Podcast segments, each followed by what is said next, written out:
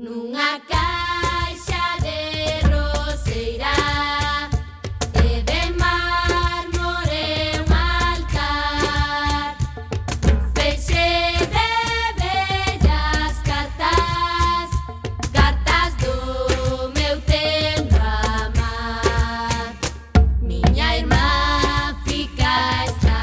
Ola, que tal, recendeiros e recendeiras? Benvidos e benvidas a este espazo radiofónico semanal dedicado á cultura que facemos en riguroso directo todos os martes ás 7 da tarde aquí en Cuac FM, a Radio Comunitaria da Coruña.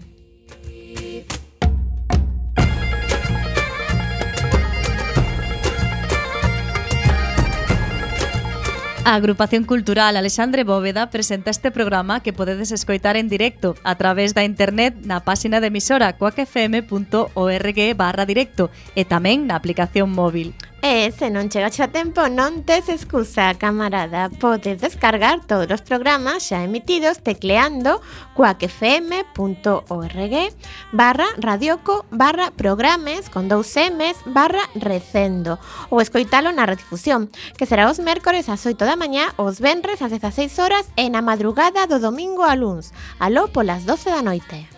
E a partir de agora, seguídenos nas redes sociais, tanto no Facebook como no Twitter, arroba recendofm, onde queremos formar unha comunidade recendeira. Tamén podedes visitar o Facebook da agrupación en a .c.alexandre.bóveda ou no Twitter en arroba acbóveda ou na web www.acalexandrebóveda.gal.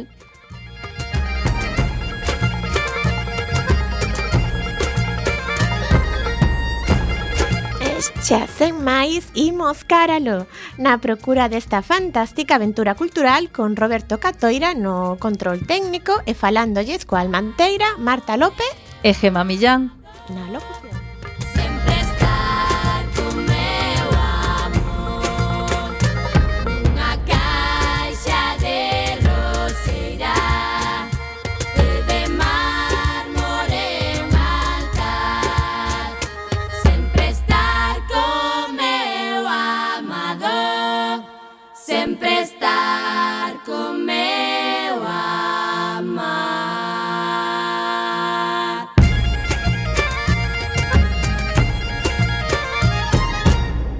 programa número 295 que ademais é o último desta tempada porque nos imos de vacacións de verán.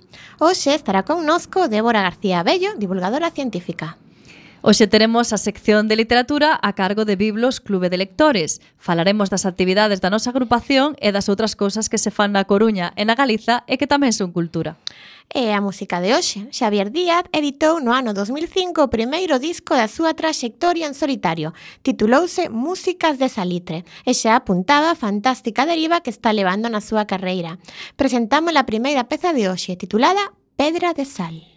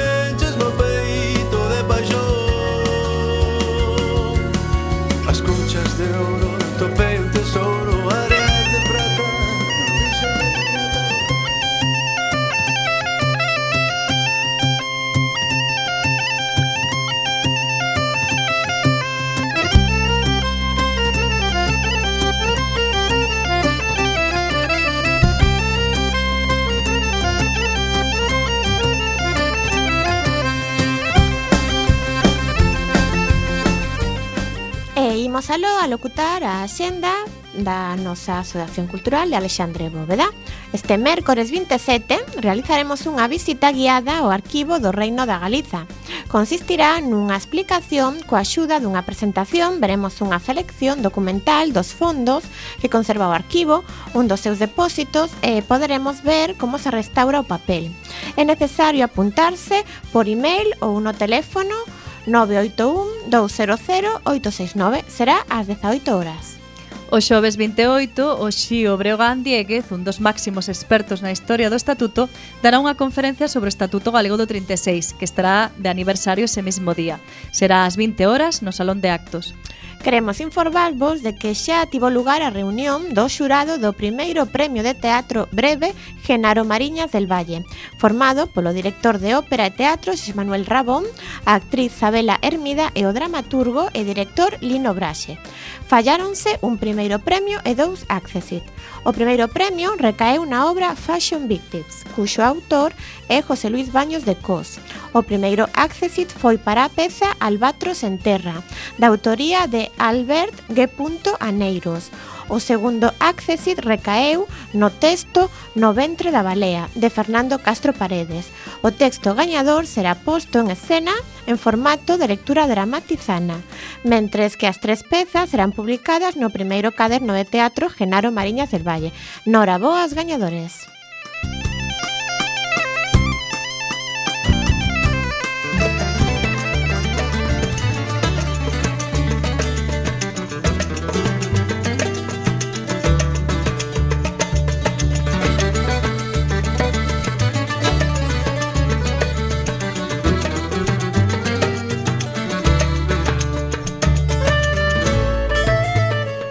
E a quenda agora a xenda da Coruña e imos o eido audiovisual.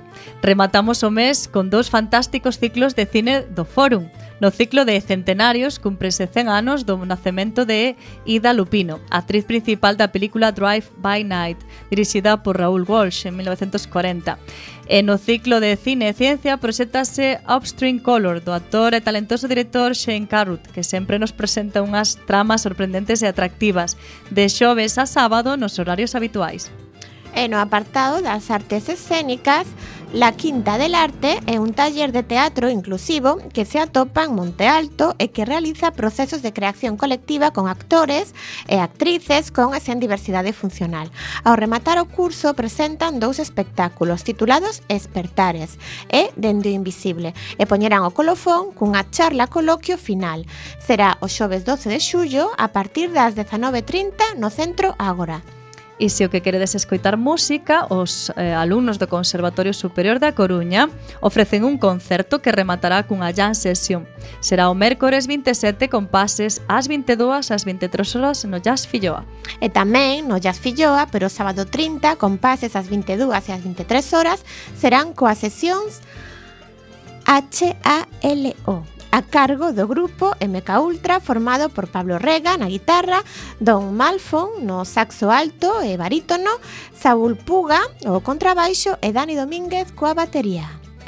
E podedes asistir á estrea absoluta do concerto para quinteto de ventos e orquestra de Federico Mosquera, que será interpretado polo quinteto Invento e a orquestra Gaos, que pecha deste xeito a súa novena tempada de existencia. Ademais, interpretan a suite do Paxaro de Fogo de Igor Stravinsky e algunha sorpresa máis. Será o xoves 28 de xuño ás 20.30 horas no Pazo da Ópera con entrada gratuita. E se gostades de ver exposicións, estades de sorte, xa que durante todo o mes de xullo pode verse na sala a Fábrica do 13, que está no número 13 da Rúa Antón Vilar Ponte, E desquecendo que antes era a Rúa División Azul, a exposición Carne e Chapa, formada por pinturas de diferentes formatos realizadas por Héctor Ortiz. E ato domingo 1 de xullo pode verse a mostra Le, Fit, Le Fit Mort de Emil Chigo, que é unha investigación sobre as follas das árbores. Pode verse na Casa Museo de María Pita. O sábado 30 de xullo terá lugar nunha edición máis de Naucas Coruña. Esta xornada de divulgación constará de nove charlas científicas sobre o tema das grandes viaxes, sendo impulsada polos Museos Científicos da Coruña e a Asociación Naucas. E no Teatro Rosalía e comeza ás 9.30 da mañán. As entradas están esgotadas dende hai tempo como pasa sempre. Pero, se quedan asentos libres 10 minutos antes de comenzar o evento, permitiráse o paso das persoas sen invitación, xa que o evento é gratuito.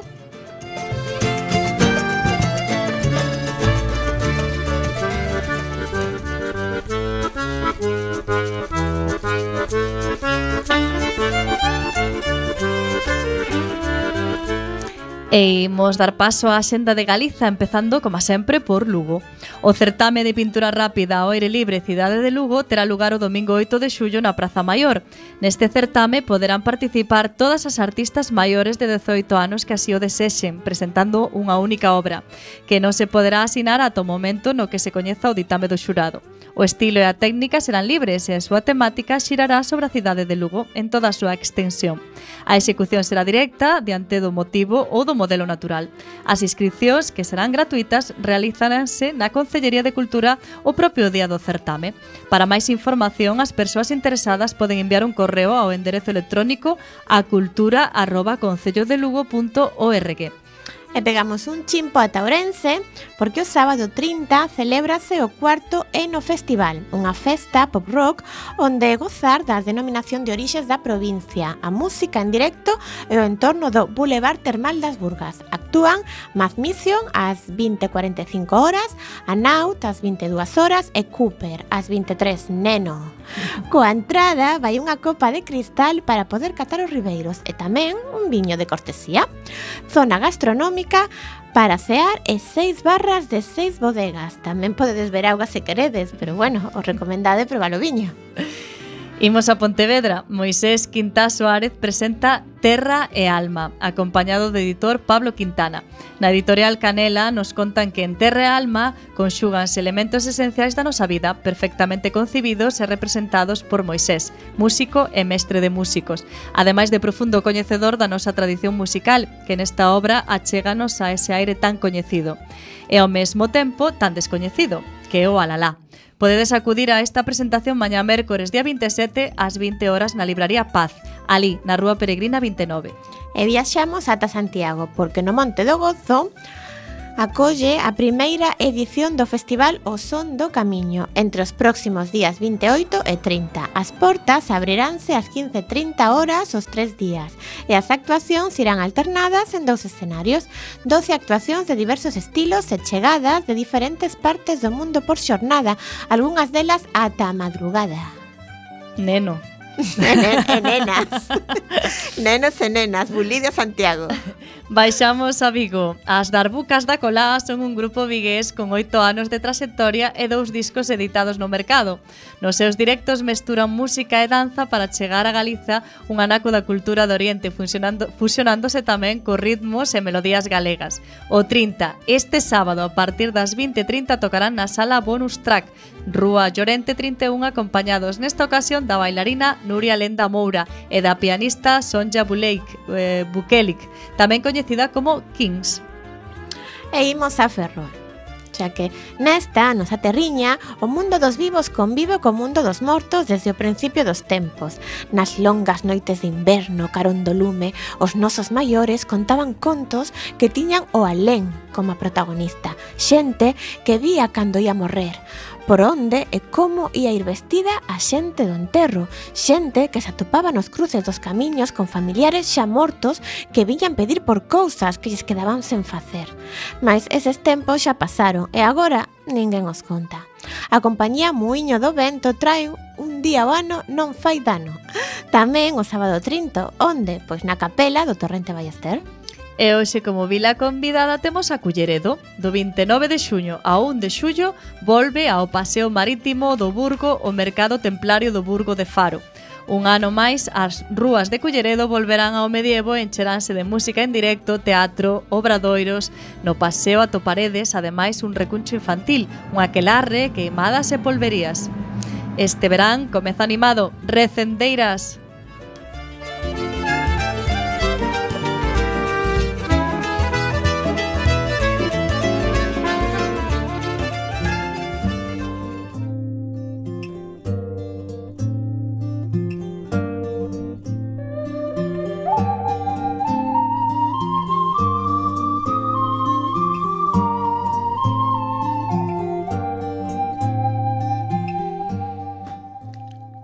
manda o viaxeiro para volver, pois son os camiños sempre regresos para encontrármonos, os vieiros que nos levan polos montes e chairas de nós mesmos.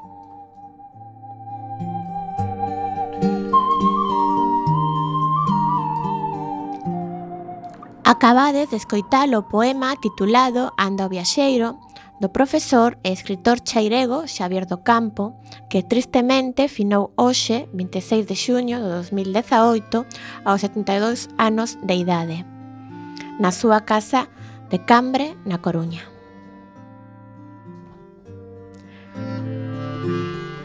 Don Xavier Puente do Campo naceu Chairego e fillo de chairegos o 5 de abril de 1946 en Rábade, Lugo.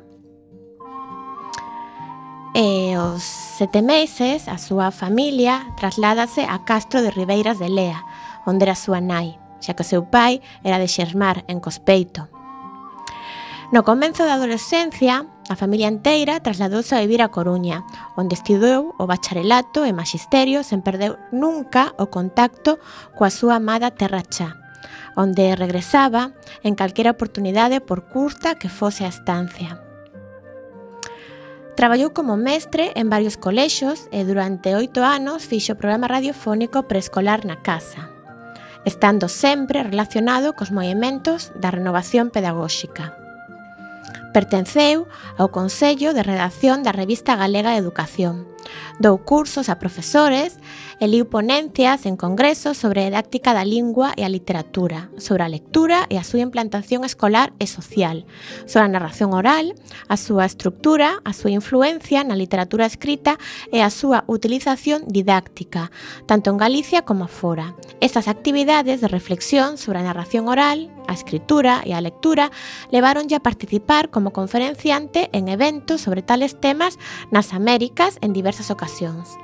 Escribiu libros de texto para a escola e textos de ensaio didáctico e pedagóxico. E foi actor e director de teatro.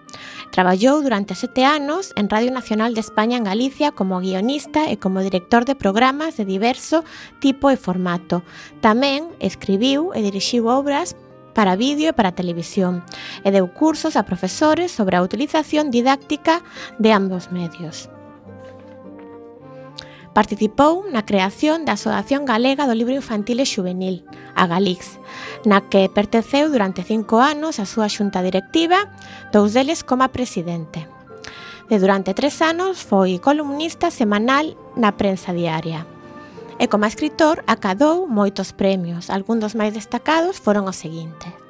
Premio Feira do Libro da Coruña en 1989 polo conxunto da obra narrativa, Premio Emilia Pardo Bazán do Ministerio de Educación, Premio Rañolas 1994 a mellor obra de literatura infantil e juvenil en Galicia, Premio Nacional de Literatura Infantil e Juvenil en 1995, formou parte da Honor Leeds IBBY no 1996, o The White Ravens no 1997 de Múnich o Premio Lecturas da Asociación do Libro Infantil e Juvenil de Galicia, Galís, en 2004 e volveu repetir o The White Ravens no 2005 tamén de Múnich. E nós, desde Recendo Coac FM, queremos lle adicar este programa de radio en directo que facemos hoxe, 26 de xullo, no día do seu pasamento, agradecéndolle a súa contribución la difusión da cultura galega nas ondas. E recordando que hai xusto seis anos, o 26 de xullo do 2012, o propio Xavier do Campo subiu a Zapatera a facer radio connosco, a recendo Cuac FM.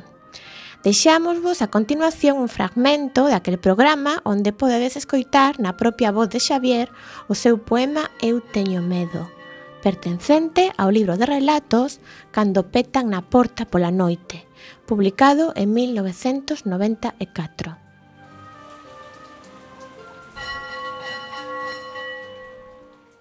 Eu teño medo cando petan na porta pola noite, a estar só cando non quero estar só, a estar no medio de moita xente, a quedar só no mundo, a non morrer nunca, a morrer pronto, a morrer estúpidamente nunha estrada, a quedar inútil, a tolear, a que lles pase algo aos meus, a que os que quero non me queiran, a perder o gusto por as cousas que me gustan, a ter que vivir sempre nunha cidade, a que non haxa flores, a que non haxa animais en liberdade, a non poder mirar as estrelas pola noite, a non poder mirar a paisaxe no outono, o mar desde o mar, a mirar un día para o ceo e non ver un paxaro, a que non haxa troita nos ríos, a ter que ir á guerra, á guerra, aínda que non tiña que ir, as almas miserables, os que sempre din a verdade, os que menten sempre, a pasar fame, os contos de medo, as películas de medo, a ir ao dentista, a montar en avión, a non ter medo de nada, a ter moito medo. Cando pasa moito tempo sin que ninguén pete na miña porta, Seguimos aquí en Recendo e é o momento da nosa entrevista. A nosa convidada de hoxe é Débora García Bello, unha rapaza coruñesa que dedica a súa vida profesional á divulgación científica. Podemos coñecer parte do seu traballo a través do seu blog Dimetil Sulfuro, aínda que é colaboradora, colaboradora habitual de medios como El País, La Voz de Galicia, a Radio Galega ou Naucas, a maior rede de divulgación científica de España. Tamén podemos asistir a algunha das numerosas charlas e conferencias que imparte ao longo do ano. O gran traballo realizado por Débora García Bello foi merecedor de varios premios, entre eles o Premio Prisma Divulgación, o de Ciencia de Jotdown ou o Premio Tesla de Divulgación Científica. Tamén ten publicado dous libros dedicados á divulgación. O primeiro foi Todo es cuestión de química e tamén que se levan las vitaminas. Nesta última publicación confronta moitos dos falsos mitos que son tremendamente populares entre a xente e que poden ser desmontados gracias á ciencia. Débora García Bello é licenciado en Químicas e agora mesmo está a traballar na súa tese doutoral. O tema da devandita tese é a relación entre o binomio ciencia e arte. Isto convirta a nosa convidada nunha das poucas voces autorizadas para falar de como o avance científico propiciou cambios na execución da arte, así como tamén as necesidades artísticas condicionan a investigación científica. Débora emprega obras actuais ou populares, aproveitando o seu contexto histórico, así como o do seu autor, para ilustrar a relación que case sempre nos pasa desapercibida entre arte e ciencia. Débora García Bello tamén ten a súa faceta artística, pois na súa autoría é o poemario Megalomanía. Para falar connosco de ciencia, arte, divulgación e outras cousas, temos hoxe a Débora García Bello. Moi boa tarde, Débora. Boas tardes. En primeiro lugar, pois gracias por vir aquí a Recendo Coac FM. Un placer. Oh, nós tamén de recibirte. Eh, para comenzar, pois vimos falar do último libro, que che parece? parece Un pouco comenzo, non? Sí. Que se levan las vitaminas. Que título máis evocado? Realmente se llevan as vitaminas? Pois non.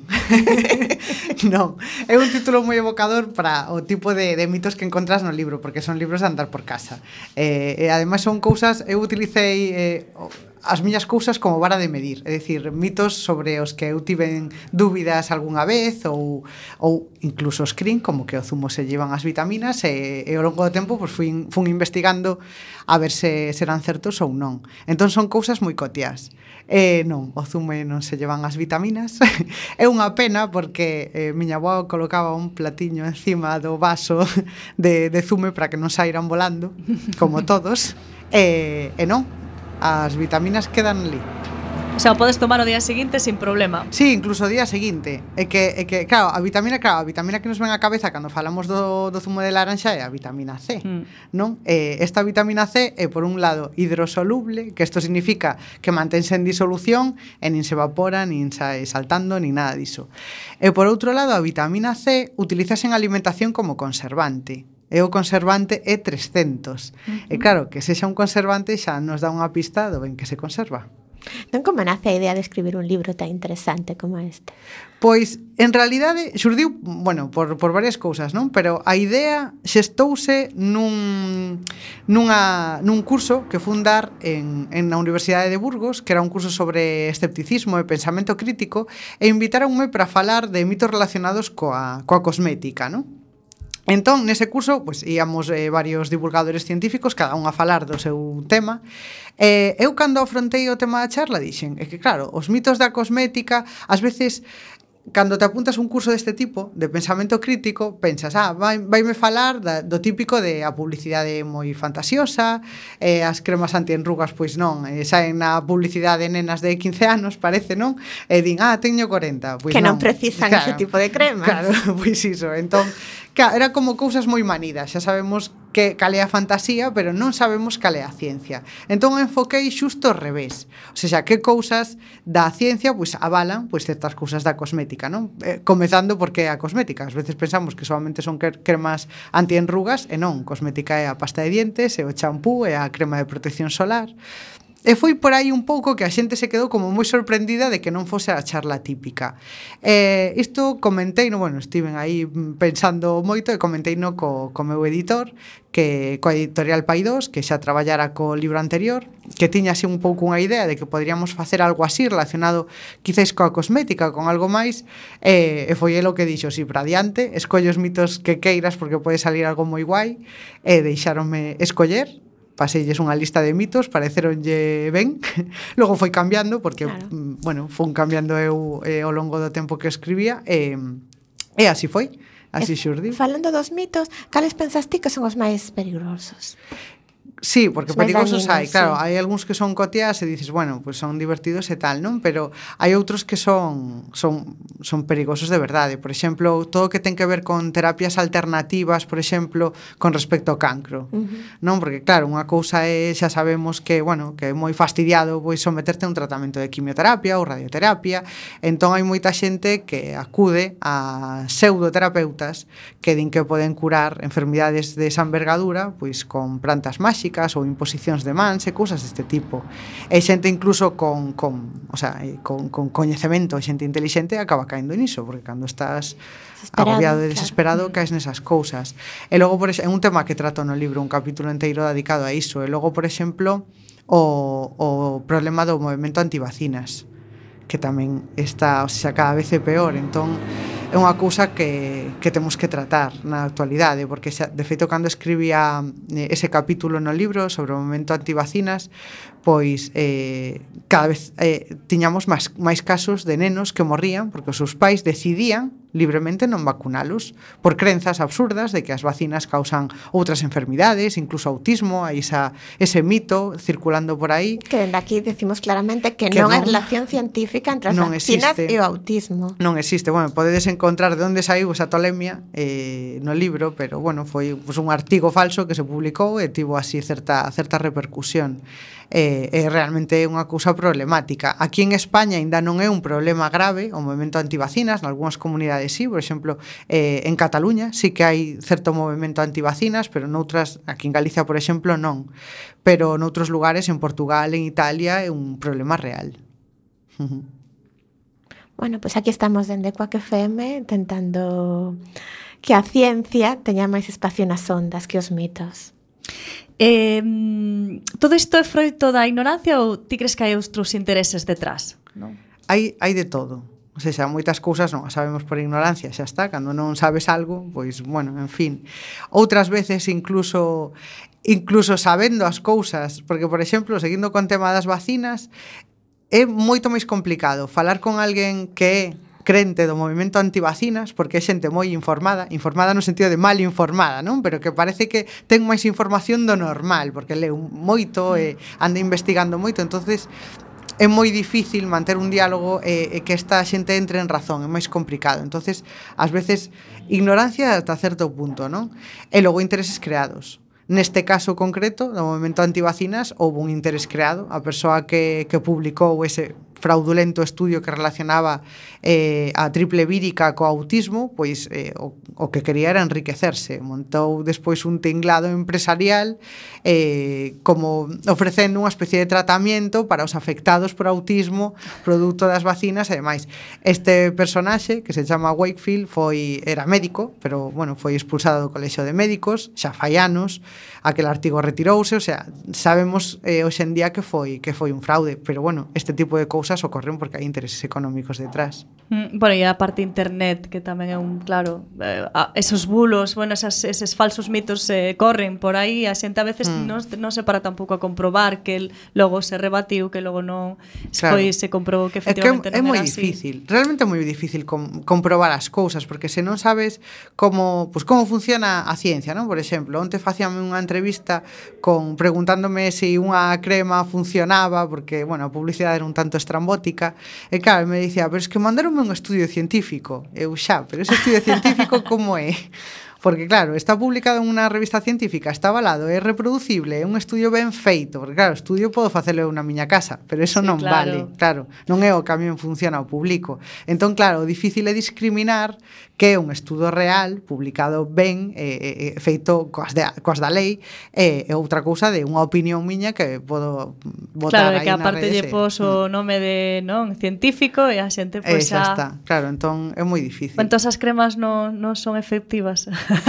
as en antienrugas, que decir, sí. o que falamos diso, eh? Hai, vale. hai, nas, hai nas que máis e hai nas que menos, pero sí que hai principios activos que funcionan, non funcionan, non vas pa, non va, no, vai no, parecer xa, claro. que tes 15 anos, pero pero sí, sí que son efectivas eh, eh, con respecto, sí, sí que claramente unha persoa que utiliza cremas antienrugas boas, sí que a evolución da súa pele é moi diferente a unha persoa que non as utiliza. Cando dis boas, dis, dis caras tamén ou non ten que non ver? Ten, non ten por qué, non, non non ten por qué, non, es eso, o sea, sí que hai principios activos que, por exemplo, son caros de producir e de conseguir, entón non os vas a encontrar nunha crema, por exemplo, de marca branca ou moi barata, non? Pero iso non quere decir que as cremas máis caras sexan, as, as mellores. mellores. Eso non. Mm. Pois imos facer unha pequena pausa musical e imos a escoitar Laranxa de Xavier Díaz. Música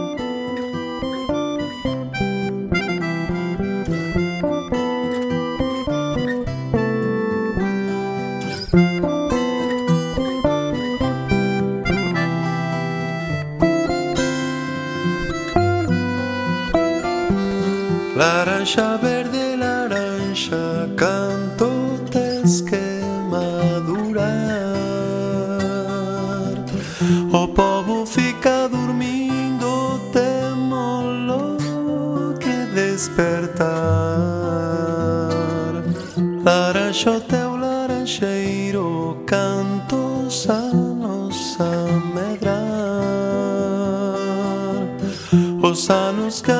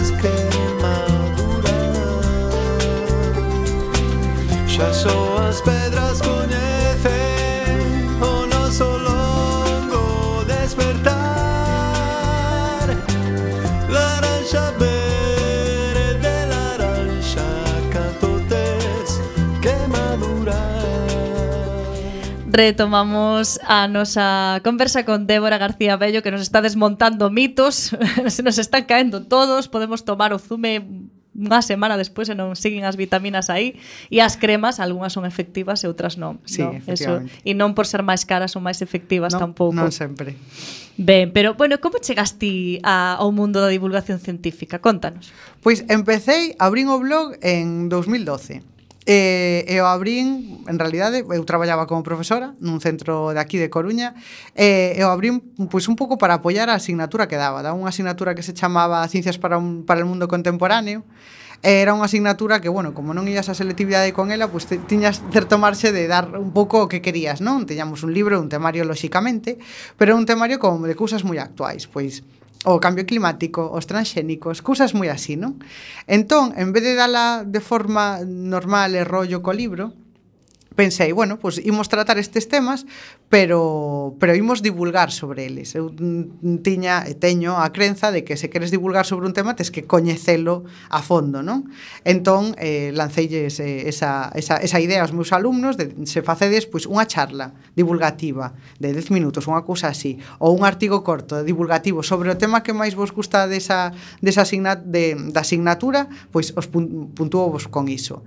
E eh, abrín o blog para darlle soporte. Es decir, os mellores artigos publicábamos no blog. E eu animeime tamén a escribir cousas porque tiña ese eso na cabeza de que quería publicar cousas de ciencia porque gustame escribir. E empezou a ter repercusión. E, e ao ter repercusión os rapaces tamén se animaban a ver quen, quen facía o mellor artigo para publicar no blog. Así que empezar empezou así, con un proxecto de clase. E en pouco tempo fíxose grande porque en pouco tempo empezou a haber algún eh, artigo que fixose viral. Recordo primeiro que, que, que fixose así, que tivo bastante impacto, incluso nos medios de comunicación, que me chamaban e tal, que eh, fora sobre o tema das bolsas reciclables, estas bolsas que xa non eran de plástico e que as facían de fécula de pataca, que as sacaran porque un, bueno, un supermercado eh, empezou a cobrar por las bolsas, e bueno, eu tratei ese tema no, no blog, fixose viral e a partir de aí, pois, tivo máis repercusión, máis repercusión todo o que fixen despois. E de ali o estrellato. Moi ben, que é mellor o plástico que a fécula de pataca para facer bolsas, como é? Non nos eh, deixes eh, aí coa Sí, en realidade sí, é mellor sí. o plástico que... O sea, o mellor é ir coa bolsa de tela ou ir co carro, que é como fago eu, ou vou co carriño ou con unha bolsa de tela ou reciclo as bolsas. Se teño bolsas de plástico, pois pues as reutilizo. Eso é o mellor que podes facer. O sea, Pero, o que se fixo toda a vida. Claro, o que se fixo toda a vida o que deberíamos facer. Pero, en realidade, entre comprar, mercar unha bolsa de plástico e unha de fécula de pataca, o impacto medioambiental da bolsa de fécula de pataca é moito maior. Maior co do plástico? Sí, maior co do plástico. Porque, claro, o plástico podemos pensar, bueno, tarda en, en, en biodegradarse, non? Mm. Que agora xa hai plásticos que levan eh, metais, que son as bolsas oxo biodegradables, chámanse, e, e que conteñen un, uns materiais que facilitan a biodegradación, que en lugar de, de biodegradarse en anos, pois en, en nun mes xa, xa desaparecen.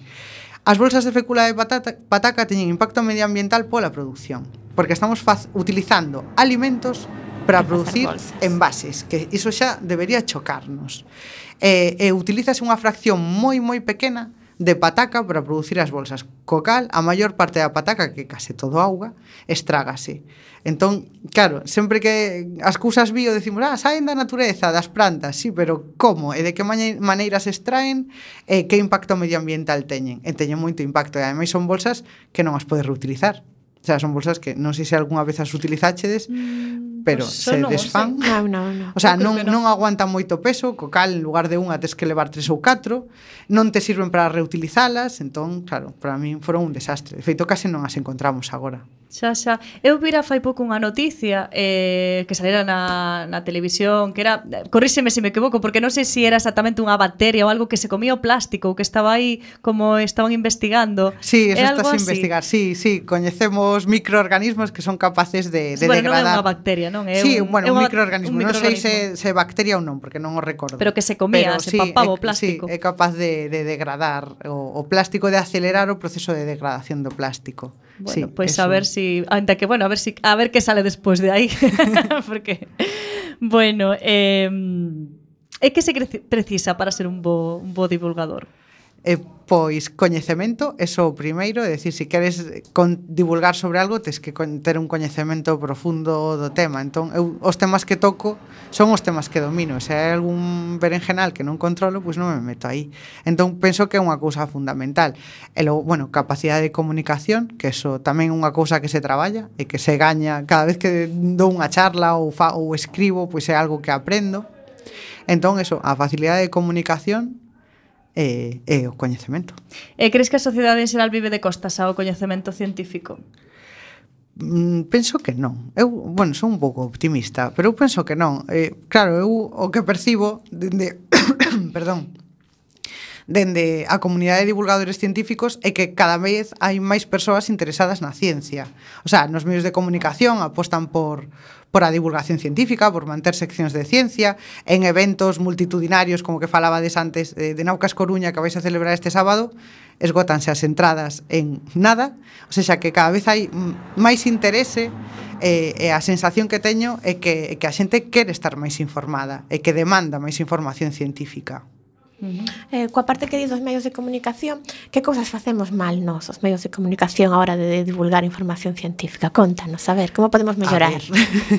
Pois, a ver, a ver primeiro, a, bueno, non, non solamente coa ciencia, penso que un pouco con todo, lo, o de acudir ás fontes fiables, non? Eu cando vexo pues, un debate que ten sobre economía, fútbol, política, o que seña, non? Citar o estudio, veces, citar claro, o científico. Claro, sí, que ás veces din, está a falar este, este, que formación ten, o onde se informou. E claro, con temas de ciencias eso, eso corre. Se xa, se queres falar dun tema científico, pois pues, Claro, eh, chama a persoa que sepa ou eh, claro, tes que saber como funciona a ciencia, por exemplo, o, o, o exemplo que, os, que vos poña antes, non? De, desta entrevista de, pues, se non sabes os, os pasos que ten que haber para que un estudio este avalado, un estudio científico este avalado, pues, entón apaga e vámonos, sabes? Como vas a escribir de ciencia se non sabes discriminar se un estudio científico é real ou non? Entón é un pouco de, de formación en, en ciencia.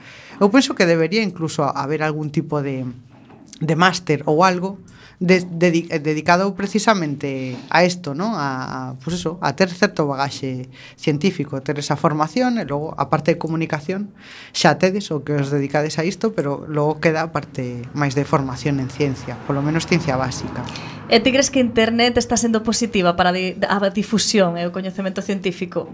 Sí, Ou claro. hai moita borralla, non? Que... Sí, hai moita morralla, pero eu penso que sí, que é moi positivo. Porque, claro, podes chegar a un montón de xente en un montón de formatos. Claro, eu chego en todas partes, porque eu fago charlas, escribo, eh, teño un miña canle de YouTube, eu doulla todo, tamén fago radio.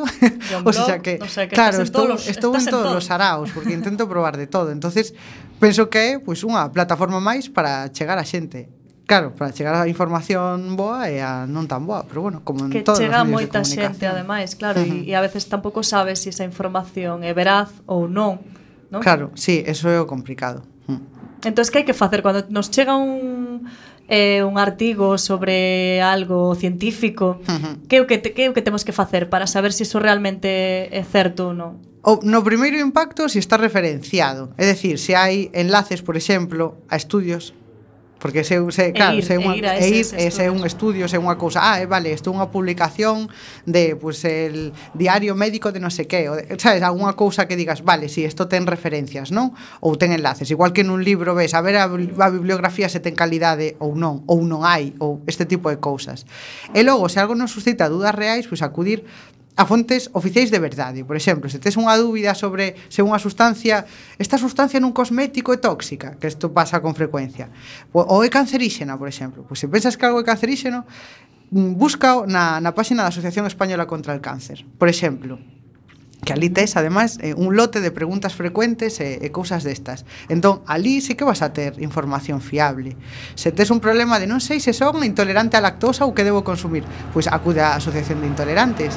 Ou un tema de non sei se dixero ben o gluten ou se é bo ou non é bo que o to, pois acude á, á Federación de Celíacos. Este tipo de cousas, pois así nos fan discriminar a información veraz da que non. Uh -huh. Claro. Pois sí, claro que sí. Hai que ser consumidores exixentes tamén coa información. Chegados a este punto, facemos outra pausiña, esta vez para falar de libros, ca nosa ben querida Carmela, de Biblios, que xa está o teléfono, pero antes de saudada, temos o placer de escoitar a súa sintonía. Música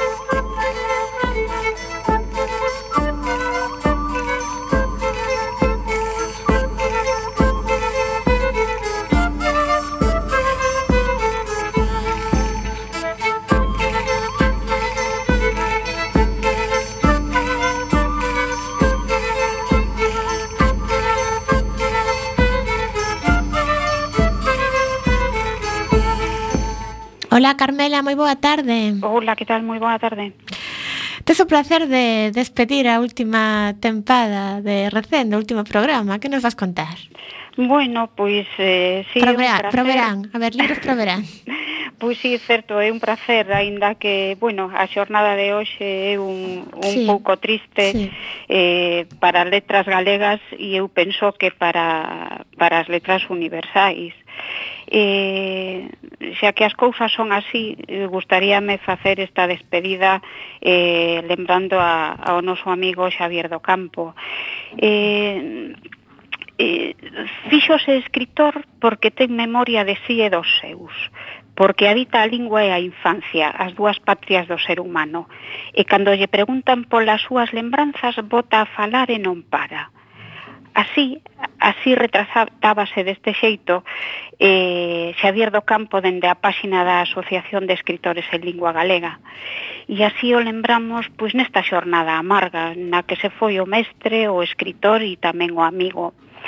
E, e xa que as cousas foron así, aproveito pois para dirixir neste espazo a, a atención cara á súa obra, dende a primeira novela juvenil, o misterio das badaladas, ata o último libro, a nena do avigo de Astracán, pasando por cando petan na porta pola noite, que foi Premio Nacional de Literatura Infantil e Juvenil eh, en 1995, o ano seguinte entrou no, eh, na, na lista de honra do IBI, e o seguinte foi Premio de White Ravens. Eh, o seu percorrido está íntimamente ligado de Agustín Fernández Paz e, e a verdade é que quero que, que vaya para os dous eh, que, que vayan para os dous estes intereses radiofónicos nos que falamos de libros. E antes de que a realidade nos estragase a, a xornada por este feito tan, tan sumamente triste eh, pensaba comezar estes minutiños de radio eh, comentando que xa que me atopo en Betanzos e tendo en conta que se achegan as datas da feira medieval, pois parecíame ha caído a recuperar a novela de Santiago Lopo eh, publicada en outubro do ano pasado e que se titula A, a arte de trobar. Eh, é unha novela que se desenvolve no século XIII perdón, e que fala dunha trupe de artistas itinerantes eh, que proceden de Galicia e percorren os, os reinos do Camiño de Santiago. Eh, eh, é unha novela de ritmo moi áxil, ben documentada e que se me antoxa como unha estupenda opción para esta época chegada xa ao verán, na que convén pois facer acopio de libros para que as vacacións non nos atopen ociosos. E ocórrenseme pois tamén recomendar varios títulos recentes como por exemplo eh, Nova Nursia, de Héctor Cajaraville, que percorre a vida de eh, Rosendo Salvado, un personaxe tan singular como descoñecido da nosa historia. Eh, chegan estes días ás librarías de Making of, a última novela de Xavier Alcalá, eh, que se desenvolve entre galegos na Argentina, e, e tamén Ramón Nicolás volve ollada sobre Argentina na obra máis, na súa obra máis máis recente que está estes días eh, chegando ás librarías que se titula Lápis na noite. E, está tamén aterrando a segunda novela de, de Manuel Gago, o Exército de Fume. Eh, en O Anxo Negro falounos de ata onde pode chegar eh, o desprezo das persoas eh, con intereses espurios eh, que son quen de comerciar con obras de arte que nos pertencen a, a todos. E nesta obra pois viaxa ata Galicia de 1942 eh, temos tamén a refenchegada a simetría das bestas de Alberto Ramos que mereceu o premio Vicente Risco de creación literaria do ano pasado e, e, e se nos apetece facer pois unha viaxe real ou imaginaria por algunha zona de Galicia, eh, recomendo un título de Miguel Anxo Prado que está a piques de, de sair, eh, é Valdeorras.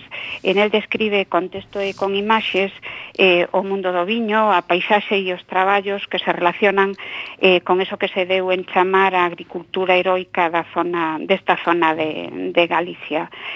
E, bueno, para rematar, se mo permitides, volvo de novo a, a Xavier do Campo, Eh... Sí, claro que si sí, xa lle fixemos unha pequena homenaxe aquí recitando os seus poemas eh, bueno, rescatamos un corto de cando veu a facer radio aquí connosco. Estupendo. Exactamente, hai seis anos, mira como son as casualidades pero por suposto ti dio que queiras. No, no, era eh, que non podía rematar sin volver eh, a lembralo e, e que, que o teñamos en conta eh, como tivemos ata agora eh, sempre de aquí en diante. Pois descanse en paz o noso ben querido amigo. Unha aperta. Moi, pois moitas grazas, unha aperta. Un biquiño, Carmela, bo verán. Outro. Ata logo, igualmente, moitas grazas. Bueno, pois retomamos a nosa conversa cunha científica aquí na mesa Estuvo encantada hoxe Ca nosa ben querida Débora eh, Chegamos ao tema da túa tese doutoral Porque é moi interesante para nós, polo menos A relación entre ciencia e arte Contanos Pois sí, é unha cousa así como Porque non están reñidas en absoluto. No, en absoluto.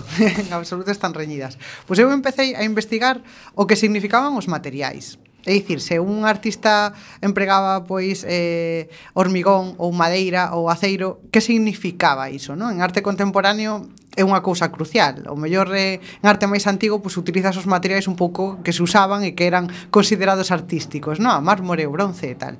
Pero na actualidade escóllese moitas veces por unha cuestión de significado.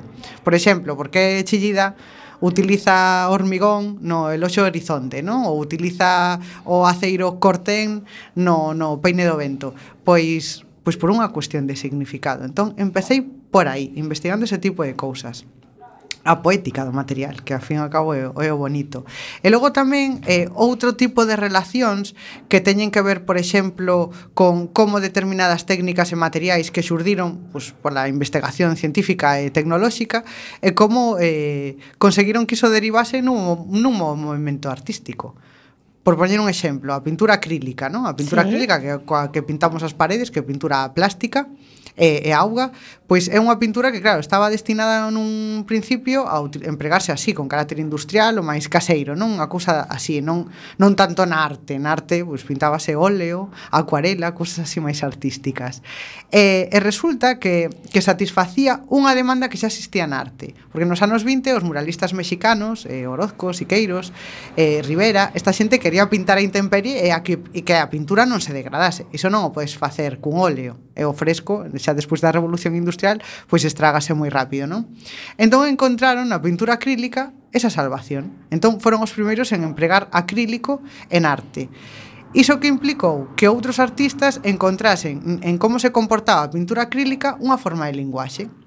Por exemplo, estes cuadros de Jackson Pollock, os que son con como con chorretóns de pinturas sí, de cores, sí, sí. pois foi un dos primeiros artistas en empregar a pintura acrílica, porque co acrílico podes pintar directamente sobre un lienzo, un lienzo é unha tela, e, e, e, e tirar eh, a pintura acrílica, esa e a pintura acrílica seca e queda ali parada, non?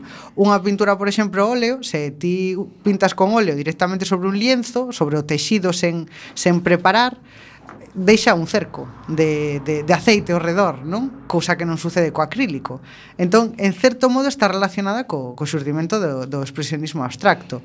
E logo xa, pois o xurdimento xa nos anos 70, 80, o tema de, de empregar acrílicos en sprays, co xurdimento do grafiti. Interesantísimo. Quedan sí. moitísimos temas por tratar. Sí, sí, perdón, como que sempre, un Débora. Montón. Entonces, pues nada, para despedirte como mereces, eh, diti, mira, quedan un minuto para que fales do que máis che pete, porque tiñemos moitísimos temas aquí para falar. Divulgación científica, mulleres da ciencia, eh, como está a ciencia aquí na Coruña, na Galicia, o que ti queiras. Os teus plans de futuro. De futuro, promociona os teus libros, tes un minuto.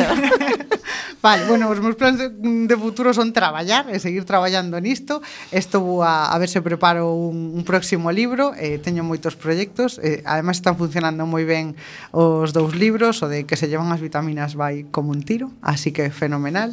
E outro? Eh, e outro, todo é cuestión de química, que Perfecto. moi ben, que é o que co que me deron este ano o Premio Prismas, e eh, estou encantada. Eh, con respecto a unha cousa importante, sí? é o tema da, da muller na ciencia. Mm, non, era unha das nosas preguntas sí, é que non, sí, bueno, pois pues, o tratamos outro día, se queredes. Exactamente. Vale. Imos, imos estar aquí moito tempo máis. Pois pues moi ben, pois pues outro día. A, tanto, tanto guerra nas ondas e na ciencia. Moitas gracias por vir de verdade. Grazas a vos. Moitas gracias. E sen tempo para máis odiseas, imos chegando a fin do camiño deste recendo.